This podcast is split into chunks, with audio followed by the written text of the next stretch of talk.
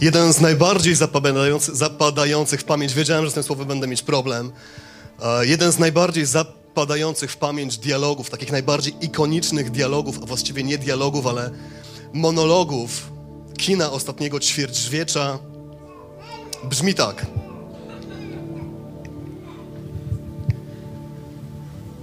Wyjaśnię ci, czemu tu jesteś. Sprowadziłem cię, bo o czymś wiesz. Nie potrafisz tego nazwać, ale to czujesz. Przez całe życie miałeś przeczucie, że z tym światem coś nie jest w porządku. Nie wiesz co, ale dręczy cię to i doprowadza do obłędu. Czy wiesz, o czym mówię? Czy chcesz wiedzieć, co to jest? Matrix jest wszędzie. Otacza nas ze wszystkich stron, nawet tu i teraz. Widzisz go wyglądając przez okno czy włączając telewizor. Czujesz idąc do pracy czy do kościoła, gdy płacisz podatki. To świat, który postawiono ci przed oczami, żeby przesłonić prawdę, że jesteś niewolnikiem. Jak wszyscy inni urodziłeś się w kajdanach, w więzieniu, którego nie możesz poczuć ani dotknąć, w więzieniu umysłów. Niestety nie da się wytłumaczyć, czym jest Matrix. Sam musisz się przekonać.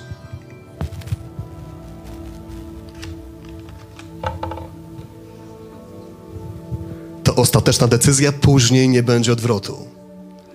Weź niebieską, a obudzisz się w swoim własnym łóżku i uwierzysz w co zechcesz. Weź czerwoną, a pozostaniesz w krainie czarów i pokażę ci, dokąd prowadzi królicza nora. Niestety mogę zaoferować ci wyłącznie prawdę i nic ponadto. Chciałbym dzisiaj zadać sobie pytanie, do którego Was zapraszam, i mam nadzieję, że pytanie będę zadawać nie tylko sobie, a nawet gdyby czas dla mnie nie będzie stracony gorzej z Wami.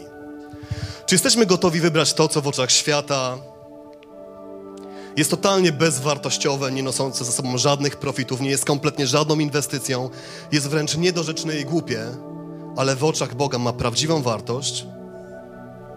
Czy jesteśmy gotowi wybrać to, co niematerialne i często z perspektywy współczesnej kultury prowadzące kompletnie donikąd, ale z perspektywy Boga, z perspektywy Jego słowa, to tak naprawdę nasze powołanie. Czy jesteśmy gotowi wybrać prestiż? Czy jesteśmy gotowi wybrać zaszczyt? I chcę Wam powiedzieć, że różnica między prestiżem a zaszczytem jest taka, jak między piekłem a niebem, jak między dniem a nocą. Jak między niebieską tabletką, która jest absolutną iluzją, fikcją i drogą donikąd, a czerwoną, która jest tylko lub aż prawdą i niczym ponadto. Żeby zrozumieć, czym jest prestiż lub czym jest zaszczyt, wypadałoby sięgnąć do jakiegoś leksykonu, jakiegoś wydawnictwa naukowego typu słownik i sprawdzić, co dzisiejszy świat mówi na temat zaszczytu i na temat prestiżu. Podejrzewam, że gdybym zadał wam pytanie, czym jest prestiż i czym jest zaszczyt, oczywiście mogę się mylić, więc mówię wyłącznie do siebie, miałbym problem z rozróżnieniem. Być może są wśród Was tacy, którzy podobnie jak ja lubią definiować różne rzeczy, nazywać, rozpisywać, rozkładać na czynniki pierwsze i podchodzić do nich bardzo, bardzo analitycznie. To nie jest nic zdrowego, ale tak mam. I okazuje się, że gdybym wziął do ręki słownik lub zrobił to, co robi większość dzisiejszych ekspertów, czyli zrobił research na YouTubie, albo wbił adres Wikipedii w przeglądarkę, to mogłoby się okazać, że termin zaszczyt i termin prestiż tak naprawdę znaczą nic. I to, co odczuwamy dzisiaj, to jak tym żyjemy i to, co to jest dla nas naprawdę, nijak się ma do tego, co zostało już wcześniej zapisane. Więc jak poznać, czym jest dzisiaj prestiż i czym jest dzisiaj zaszczyt? Jak zrobić między, tymi wyraź, między nimi wyraźną różnicę, jak postawić kreskę? W gruncie rzeczy, kiedy patrzymy na pewne terminy, z którymi spotykamy się od dzieciaka, ci z nas, którzy podobnie jak ja zawyżają średnią wieku w tym kościele, to wiecie pewnie doskonale, że pewne rzeczy, które rozumieliśmy w latach 80., zamierzchła przeszłość, prehistoria, wręcz e, czasy archetypowe i archetypiczne, czy w latach 90., dzisiaj znaczy coś zupełnie innego. Świat zmienił portfel wartości, pewne rzeczy totalnie przedefiniował i one dzisiaj znaczą zupełnie coś innego niż znaczyły wtedy, kiedy my jesteśmy dziećmi, kiedy byliśmy, kiedy dorastaliśmy. Więc jak sprawdzić, czym jest zaszczyt i jak sprawdzić, czym jest prestiż? Powiem wam, co zrobiłem. Zagłębiłem się we współczesną popkulturę. Nie zajęło mi to wiele czasu i poszukałem współczesnych piewców wartości. Zrobiłem to za pomocą internetu, bo tak to się dzisiaj robi. I znalazłem pewnego artystę, który w pewnych kręgach jest bardzo, bardzo popularny. Jest to jednocześnie poeta, jest to kompozytor i jest to wokalista. I on w roku 2020 poczynił pewien limeryk, który zatytułował Prestiż. Pozwólcie, że wam go przeczytam. Słuchajcie uważnie. Ja chodzę w ciuchach Gucci. Na ręce mam Rolexa. Wszystkie lalunie patrzą, bo wjeżdża po mnie Tesla. Ja prestiż preferuję, życiem się rozkoszuję. Kwit przeliczę choć raz. Zabawić się jest już czas. Przez szacunek dla waszego gustu estetycznego nie powiem, kto jest autorem tego tekstu, ale chcąc zrozumieć, czym jest zaszczyt, zrobiłem dokładnie to samo. Otworzyłem laptopa, wpisałem słowo zaszczyt i tutaj już będzie nieco łatwiej, dlatego że ten tekst znacie. Jest pewna pieśń uwielbienia, która ma dokładnie taki sam tytuł Zaszczyt. I brzmi ona tak. Jezusie, przychodzę, by trwać u Twych stóp. Jezusie, uniżam myśli i uczucia swe. Jezusie, drżę na myśl, że mógłbym Cię stracić. Jezusie, to zaszczyt stać przed Tobą. Prestiż jest czysto zewnętrzny. Definiuje go to, co nosisz na swoim nadgarstku, na szyi. Definiuje go to, w co się ubierasz, z kim i gdzie się spotykasz, jak często, z jakim efektem, komu o tym mówisz. Lub jeszcze częściej, z jak wysoka patrzysz na innych ludzi. To jest prestiż. A wiecie, gdzie jest zaszczyt? Zaszczyt jest tu. I wyraża się poprzez wdzięczność, poprzez szacunek i poprzez uwielbienie. Dwa różne światy, totalnie niepodobne. I dylemat, który ja mam w życiu, jest taki, że wciąż zadaję sobie pytanie, patrząc głęboko w swoje oczy, kiedy stoję przed lustrem: Adrian, co cię bardziej kręci, prestiż czy zaszczyt? Co definiuje Twoje życie i co Cię motywuje, co jest motorem napędowym Twojego życia? Prestiż czy zaszczyt? Z czym bardziej się utożsamiasz? Co jest dla Ciebie bardziej atrakcyjne? Co lepiej Ci smakuje? Kiedy poczułbyś się spełniony? Wtedy, kiedy byś osiągnął na poziomie prestiżu totalny high-end, jakiś Mount Everest dzisiejszego świata? Czy wtedy, gdybyś wciąż musiał być w pozycji zaszczytu, wdzięczności i uwielbienia? Szczerze? Wiem, co powinienem odpowiedzieć ale nie wiem. Najtrudniej zbadać mi moje serce.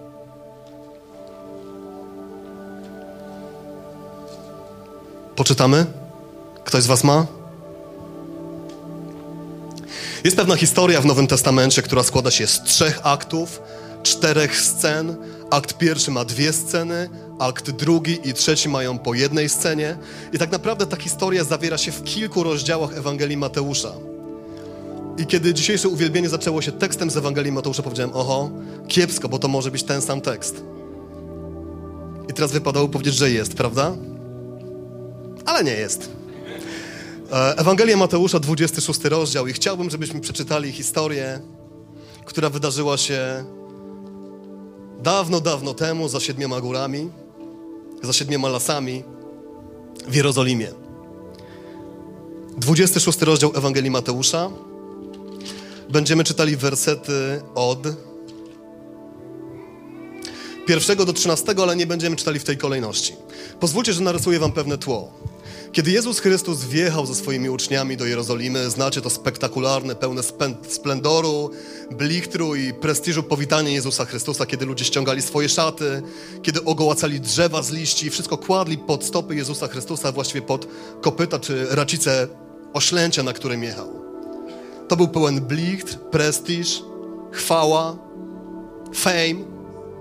Dzisiaj tego typu wydarzenie zebrało pewnie ogromną ilość followersów i lajków na Facebooku.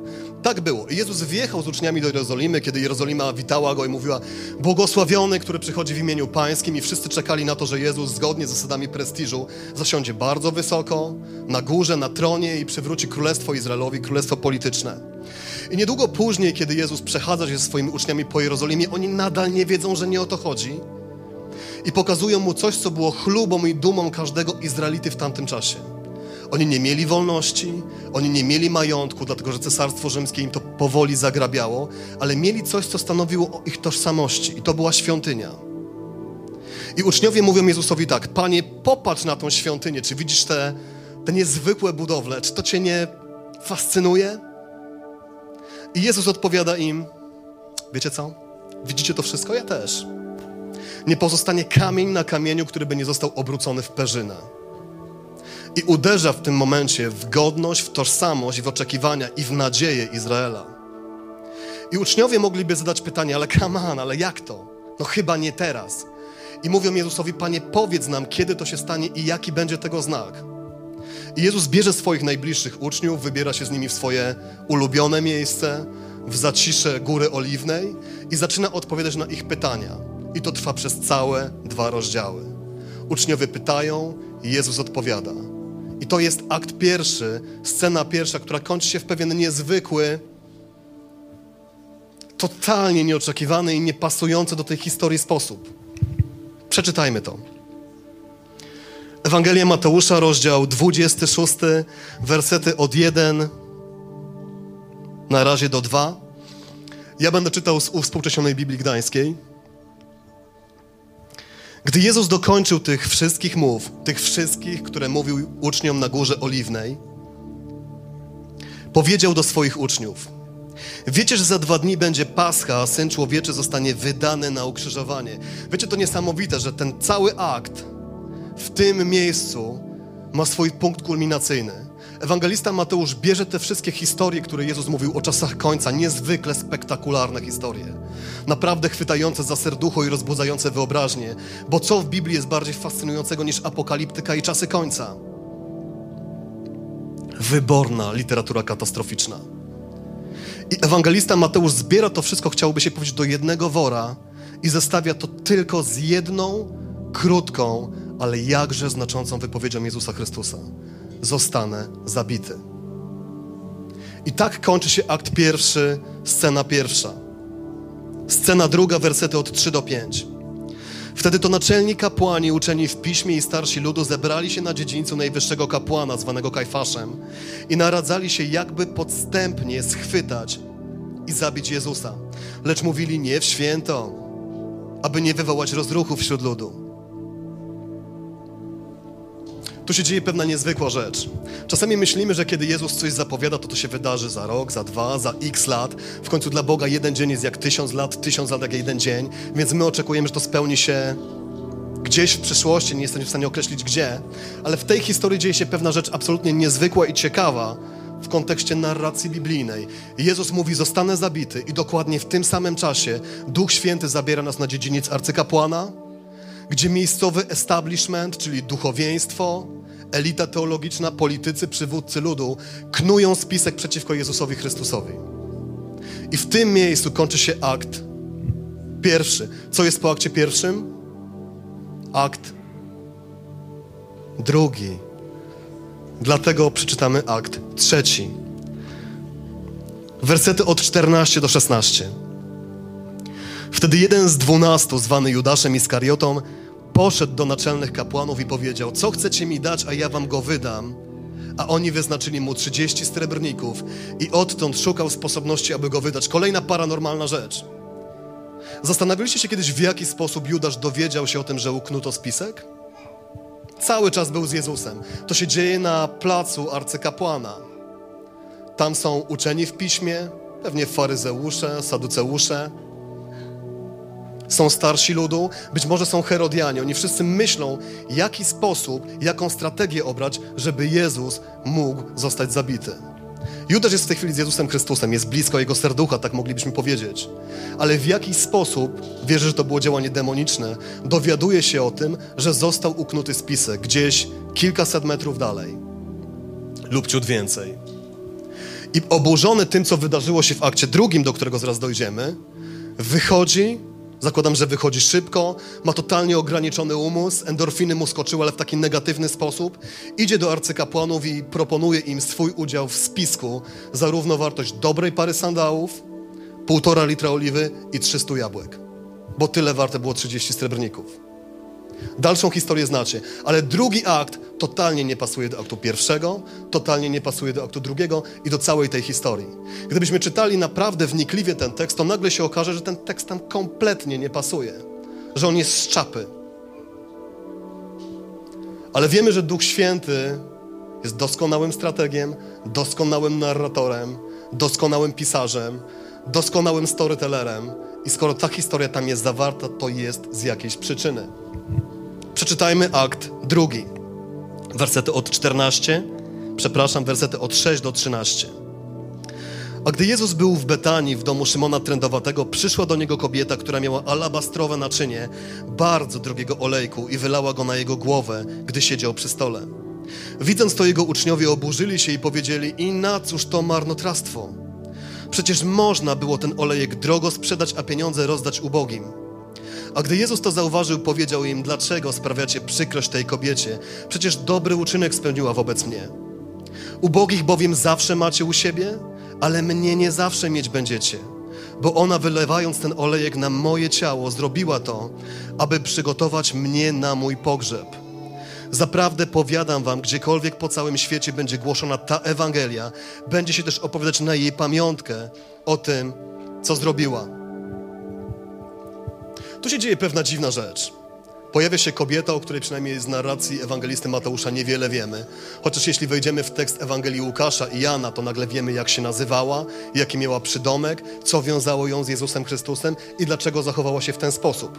Ale Mateusz o tym nie mówi i jest w tym na pewno ukryta jakaś przyczyna i do tego dojdziemy. Oto pojawia się kobieta, w domu Szymona Trędowatego. Wiecie, ile to czytam ten tekst, zastanawiam się nad ludźmi, którzy mają problem ze swoim nazwiskiem. Jeśli myślisz, że twoje nazwisko jest słabe, pomyśl, jak czuł się Szymon.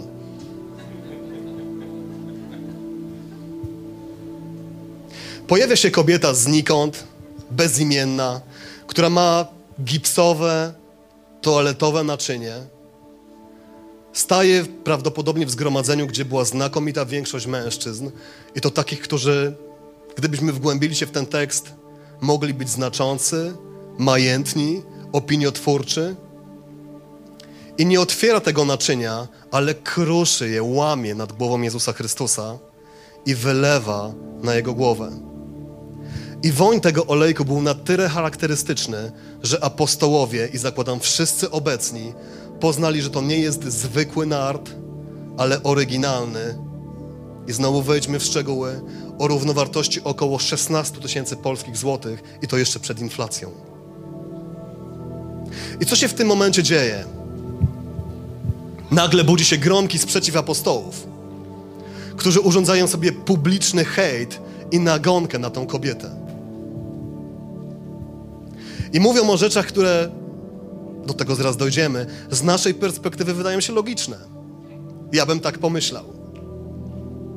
Bo słuchajcie, o ile łatwiej i o ile bardziej spektakularne, o ile bardziej pragmatyczne i chrześcijańskie jest pomaganie ubogim czy inna działalność charytatywna, niż na przykład wyłożenie gotówki w kwocie 15 tysięcy lub więcej i danie jej pastorowi.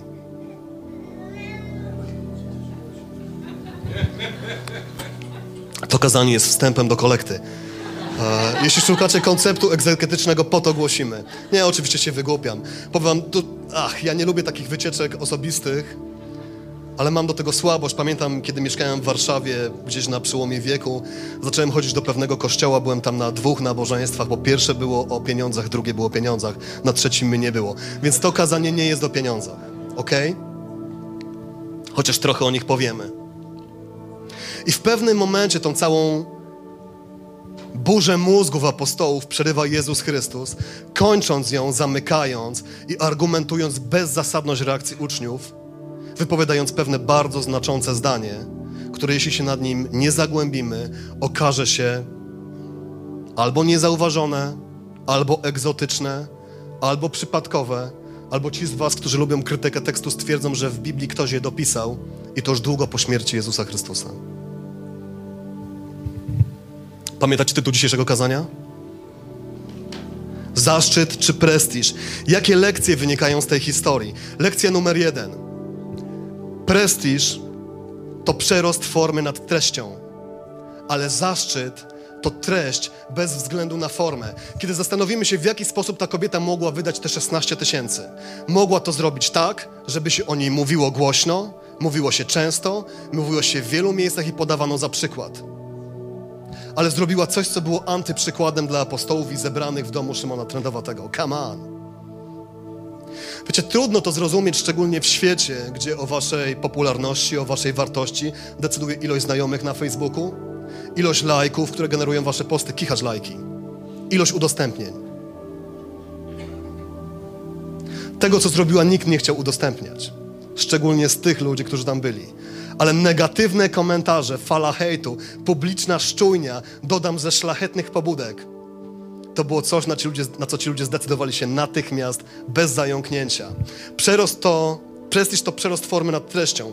Wiecie, gdzieś chyba pod koniec lat 90., może na początku 2000, mój tata kupił samochód. To było bardzo kłujące w oczy auto.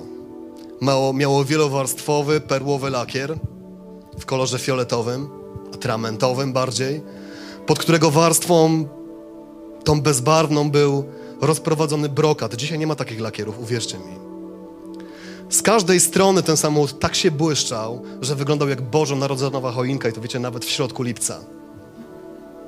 Co więcej, samochód miał niezwykle, niezwykłe, e, podkreślające ergonomię i sportowy charakter tego auta 13-calowe aluminiowe felgi. 13-calowe, dzisiaj się z tego śmiejemy, ale to był 2000 rok. Słuchajcie, 13-calowe felgi wtedy to było coś. Do tego stopnia coś, że któregoś dnia, to chyba była niedziela o godzinie 7, do naszych drzwi puka sąsiadka z klatki obok. Wiecie, my się budzimy, jeszcze byliśmy półprzytomni. Tata otwiera drzwi i sąsiadka mówi, Wiesiek, wyjdź na parking i zobacz, co się stało z twoim autem, bo chyba ktoś buchnął ci koła.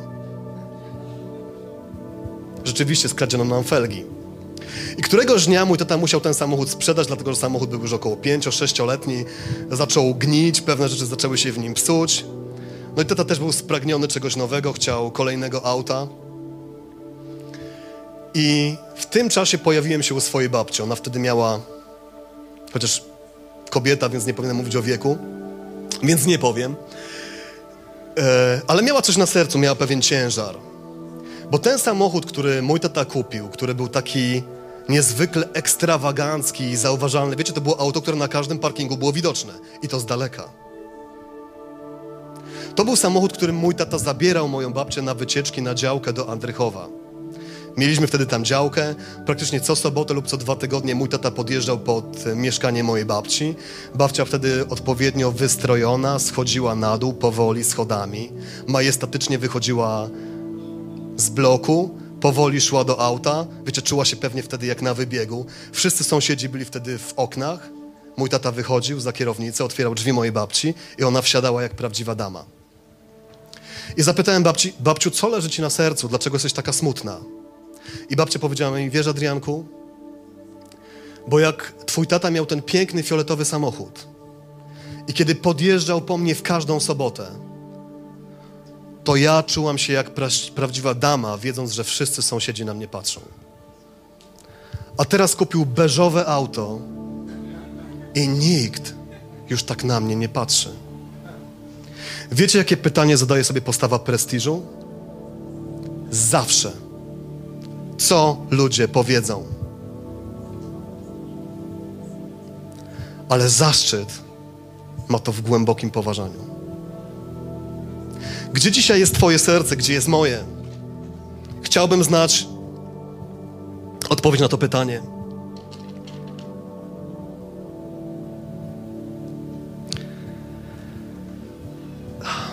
Miałem taką tendencję i bardzo chciałem to dzisiaj zrobić, ale stwierdziłem, że nie zrobię, bo, bo może uda mi się to zachować w sercu. Jest taki tekst w Galacjan, którym ja żyję, ilekroć wychodzę za kazalnicę i powiem szczerze, powinienem go sobie przypominać. W kontekście tego, że prestiż zadaje pytanie, co powiedzą ludzie, a zaszczyt, no niespecjalnie go to interesuje.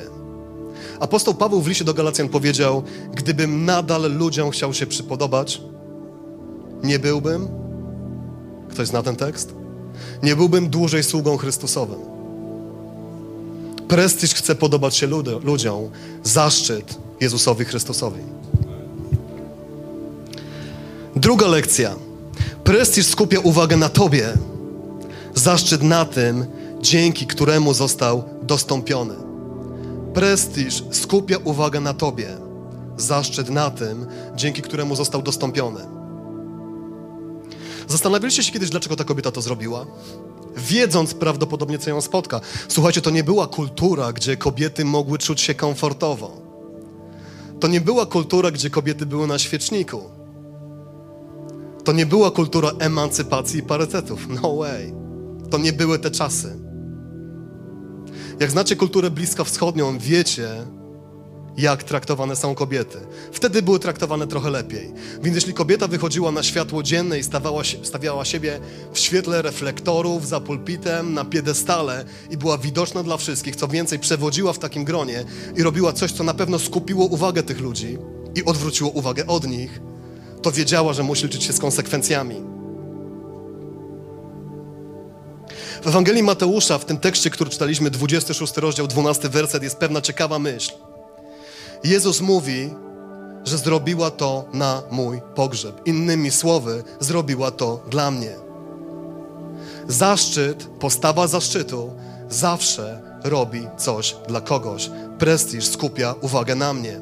Zastanawialiście się kiedyś nad tym, że możecie głosić kazania dla siebie?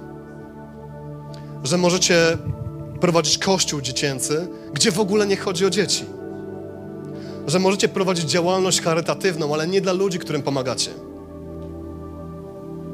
Czy wreszcie, że decydujecie się i za Jezusem Chrystusem, ale nie dla Niego, tylko dla siebie. Tutaj jest bardzo wyraźna granica. Linia demarkacyjna pomiędzy zaszczytem a prestiżem. Twoje serce może iść w jedno, a może iść w drugie. Gdzie idzie moje? Gdzie chciałbym, żeby szło?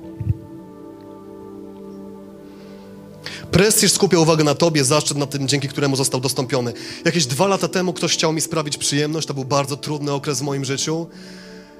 E, popłaciłem, słuchajcie, wtedy wszystkie długi, ale firma, w której pracowałem, w której byłem na stanowisku menedżerskim, nagle się zamknęła, zamknęła wszystkie swoje oddziały, wycofała się z Europy i nie było nadziei. I chociaż powiedziano nam, że korporacja, dla której pracujemy, znajdzie nam zatrudnienie, tak naprawdę go nie znalazła.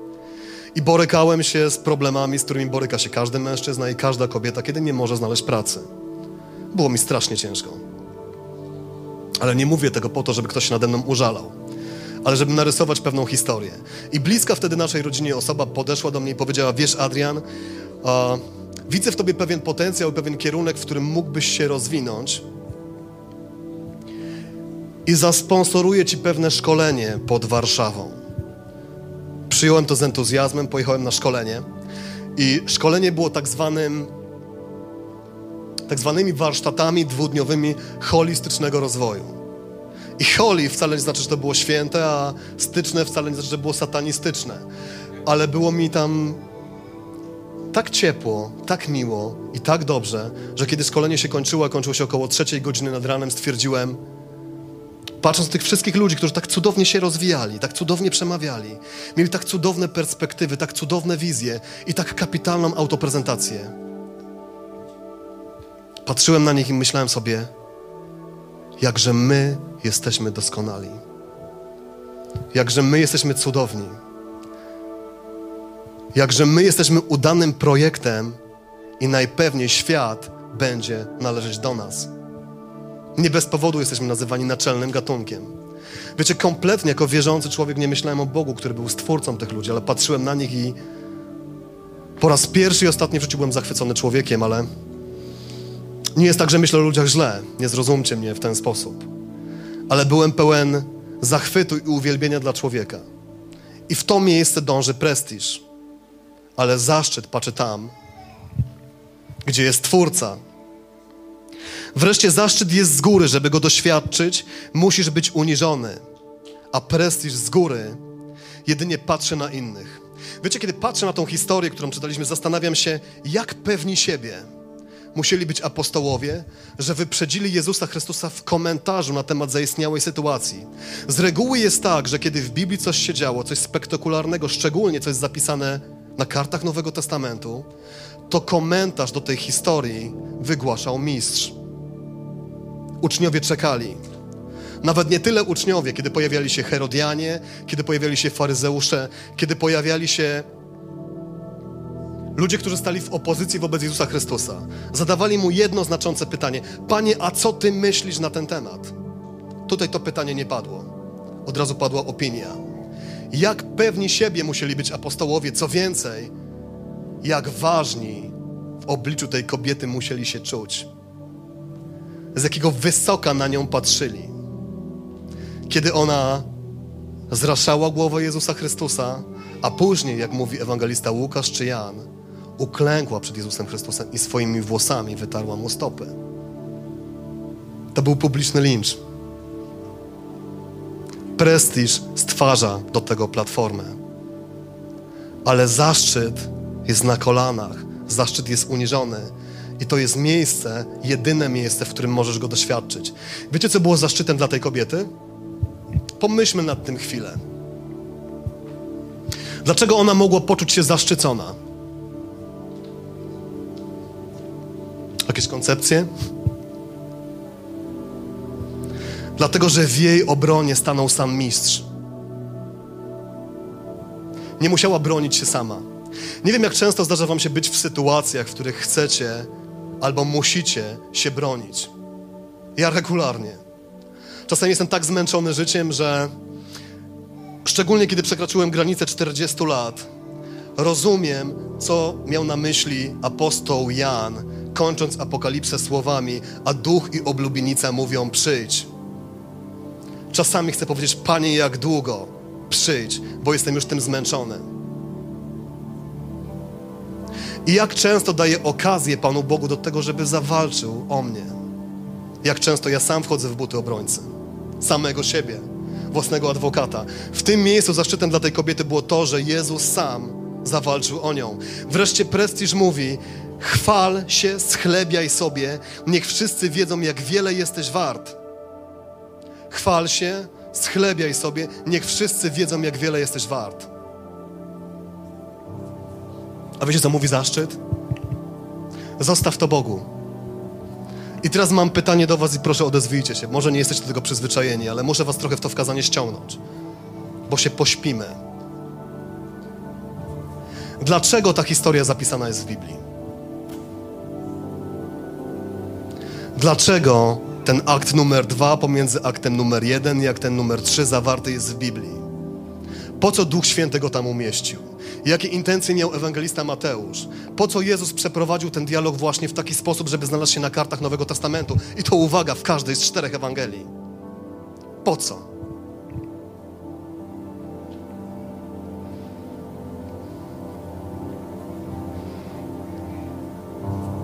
Zaprawdę powiadam wam, gdziekolwiek po całym świecie będzie głoszona ta Ewangelia, będzie się też opowiadać, uwaga, trzymajcie się, dobrze, że siedzicie, na jej pamiątkę o tym, co zrobiła. Na jej pamiątkę. Nie wiem, czy jesteśmy w, w stanie złapać ten kontekst. Ta historia napisana jest po to, żeby imię tej kobiety, żeby to, co uczyniła, mogło być głoszone po całym świecie, jak tylko długo będzie istnieć. Bo to Bóg jest tym, który nas wywyższa, nie my sami. Powiem Wam, co było inspiracją a, dla tego kazania. Tak naprawdę jestem w połowie, ale muzyka już gra, więc się zbliżamy do końca. Wiecie, bałem się, bo mam dwa lata przerwy, że będę głosić 15 minut, ale chyba nie ma dramatu. E, obserwuję, co ludzie wrzucają na Facebooka, szczególnie wtedy, kiedy jest czas postanowień noworocznych i ta ilość postów deklaracyjnych, jak rok kolejny będzie wyglądać, jest astronomiczna. I co piszą ludzie? Nie będę już dłużej czytać beznadziejnych książek. Pójdę na siłownię. Wiecie, że siłownie w styczniu są pełne, a w połowie lutego są puste. Znam z autopsji. Ludzie mówią, że ten rok będzie rokiem konsekwencji, rokiem postanowień, które zwieńczone będą sukcesem, ale bardzo często, i to jest charakterystyka ostatnich dwóch lat, dlatego chciałem zobaczyć, czym jest prestiż dzisiaj, bo tym, czym był kiedyś, zapomnijmy o tym. Bardzo często ludzie piszą koniec bezsensownych relacji. Zauważyliście to? Koniec bezsensownych relacji. Pytanie do Was. Gdyby Jezus podjął takie postanowienie, bylibyście tutaj? Gdyby Jezus powiedział koniec bezsensownych relacji, takich, z których nic nie wyciągnę, czy bylibyście tutaj? A jednak Bóg decyduje się nas promować. To On nas promuje, nie my siebie. I że to rzeczywiście jest czas epilogu, skończę pewnym tekstem z apostoła Pawła, a do dalszej części tego kazania, jeśli Bóg pozwoli, kiedyś wrócimy. Apostoł Paweł w pewnym momencie zaczął schlebiać Kościołowi i go komplementować. I to jest zapisane w pierwszym rozdziale listu do Koryntian. Nie otwierajcie. Sprawdźcie to w domu. I apostoł Paweł, chcąc wymienić największe zalety Kościoła, który był w Koryncie w pierwszym wieku, wymienia. Uwaga. Kiepskie pochodzenie. Kiepski stan majątkowy. Kiepską opinię. I najciekawsze w tym wszystkim jest to, że on nie wymienia tego jako wady, ale jako powód, dla którego Jezus Chrystus tych ludzi wybrał. Żeby zawstydzić to, co w świecie mądre, silne, dobrze urodzone i majętne. Definitywnie w tej chwili kończę. Jeśli czujesz się żaden, słaby, nijaki, niespełniony, niezrealizowany, brzydki, głupi, zakompleksiony, to Bóg w tym momencie jest szczególnie blisko. Dlatego, że Bóg, którego znam, Bóg, którego widzę w Biblii, ma słabość do słabości. Bóg, który widzi słabość, w tej słabości rozwija skrzydła. Bóg, który widzi, że Twoje serce jest nisko i Twoje serce jest złamane, chce je skleić. Dlatego, że bliski jest Pan tym, których serce jest złamane, a utrapionych na duchu pokrzepia. Taki jest mój Bóg. Kiedy nie masz kasy, Bóg nie widzi w tym problemu. Nie otworzy pewnie od razu nieba nad tobą i wysypie na ciebie tony zielonych, ale będzie cię prowadzić i będzie cię podnosić. Pytanie tylko jest takie, czy jesteśmy w miejscu, w którym jesteśmy gotowi zapłacić cenę za zaszczyt. Bo może się okazać, że przez całe życie szliśmy w kierunku prestiżu. Ja nie wiem, czy szedłem. Ale mam dużo wątpliwości.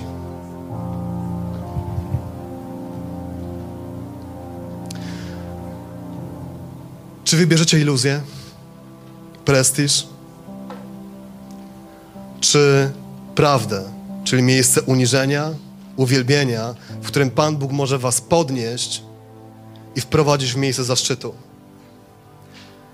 Niestety mogę Wam zaoferować prawdę, tylko prawdę i nic ponadto.